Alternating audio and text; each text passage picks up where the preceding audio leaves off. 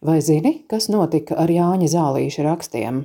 1960. gadā izdoto Jāņa Zālīša rakstu krājumu man 70. gadu beigās, tad, kad uzsāku mācības Jāzepa Mediņa mūzikas vidusskolā, uzdāvināja mammas brālis, piebilstot, ka grāmata esot bibliogrāfisks retums, jo tūlīt pēc izdošanas tikusi aizliegta un viss metiens iznīcināts. Ļoti nopriecājos par šo tik iespaidīgu apmēru dāvanu ar teju 900 lapas pusēm, un jautājums par grāmatas likteni tobrīd vairs neuzdevu.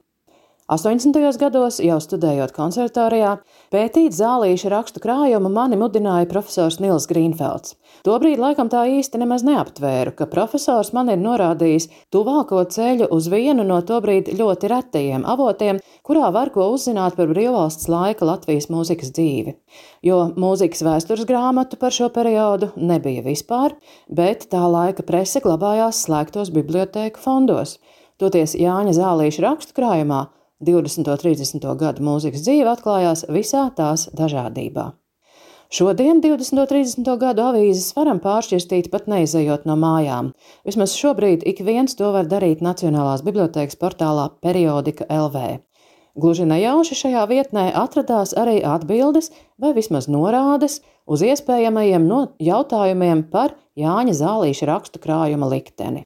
Vispirms chronoloģiskā secībā ieskicēšu notikumu gaitu. Jāņa Zālīša raksti, kurā apkopotas laikā no 1913. līdz 1943. gadām publicētās recenzijas, tika parakstīti iespiešanai 1960. gada 6. septembrī. Tā norādīts grāmatas pasītē.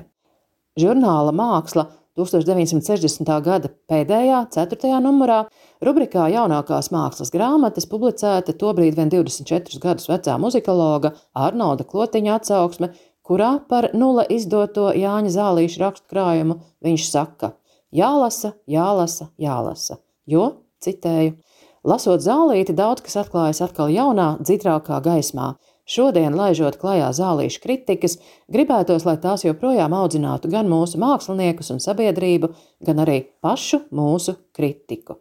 Tā Arnolds Klotiņš. 1961. gada 21. janvārī par vērtīgu ieguvumu mūzikas mīļotājiem zālīša raksti nodēvēti arī laikraksta literatūra un māksla jauno grāmatu apskatā. 1961. gada 25. martā par krājumu izdošanu ziņo trimdas avīze laiks, norādot, ka izdevumu sakārtojusi komponista dzīves biedre Milda Zālīte, bet rediģējis un komentējis Jēkabs Vītoliņš un nedaudz arī kritizējot rakstu atlases principus, kas pakļauti Latvijā valdošajai ideoloģijai. Un zīmīgi par turpmāko runā vairs tikai trimdas prese. 30. jūnijā Londonas avīze, atcaucoties uz konservatorijas partijas birojas sekretāra Aleksandra Viļumaņa vēstuli, kas publicēta žurnālā Padomi Latvijas komunists, raksta: Latvijas konservatorijā notikusi paplašināta partijas biroja sēde, kurā asi nosodīta redaktora profesora Vītoliņa neatbildīga attieksme pret savu darbu. Visi biroja dalībnieki izteikuši vienprātīgo pēdiņās domu, ka tādas grāmatas izdošana ir rupja politiska kļūda, un grāmatas redaktors bijis objektīvisma pozīcijā. Cita starpā Jēkabam Vītoliņam tika pārmests, ka viņš citēju atļāvis iespiest tādas kliedzošas lietas, kā septīto dziesmu svētku aprakstu, kurā atklāti propagandēts buržuīskais nacionālisms, buržujiskā ideoloģija un tiekot viltota vēsture. Ļoti ticams šķiet avīzes secinājums, ka uzbrukums Jānim Zālītim, citēju, ir daļa jaunās padomju nacionālās vai īstenībā rusifikācijas politikas, ko Latvijā īsteno ar lielu nežēlību. Tad, kad sāka kopot zālīša atstātos rakstus, Latvijas kompartijā vēl pūta atkušņa vēji. Berklaus un citi vēl slepeni cerēja saglabāt Latvijā vismaz kultūrālo un saimniecisko autonomiju. Tagad tas viss ir aizslaucīts. Nav zināms, kas notiks ar zālīšu rakstu krājumu, bet jāpieņem, ka notiks ļaunākais. To izņems no grāmatu tirgus, ja tā nav laikus jau izpārdota. Uz šādām lietām lasītājiem ir labs deguns, tā cer Londonas avīze. Uz vēl kādu zīmīgu detaļu 1961. gada 19. augustā norāda avīze Austrālijas Latvijas, citēju. Gada sākumā Jēkabu Vītoliņu pie kārtības sauc Latvijas komunistu partijas centrāla komitejas sekretārs Voss par Alfrēda Kalniņa kompozīciju izlases pirmo sējumu, kuru sastādījis Jēkabs Vītoliņš. Esot ievietotas arī dziesmas ar tekstiem buržuģiski nacionālā nokrāsā.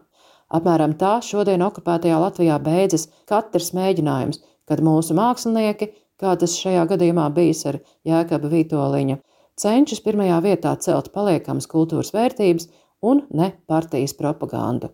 Okupācija žņauds pārāk stingri. Tiešām pārsteidz, cik vērīgi un analītiski trimdas prese tolaik ir sekojusi norisēm Latvijā. Savukārt, tepat Latvijā represijas pret Jāņa Zālīša rakstu izdevējiem, cik var spriest, publiskotas netika.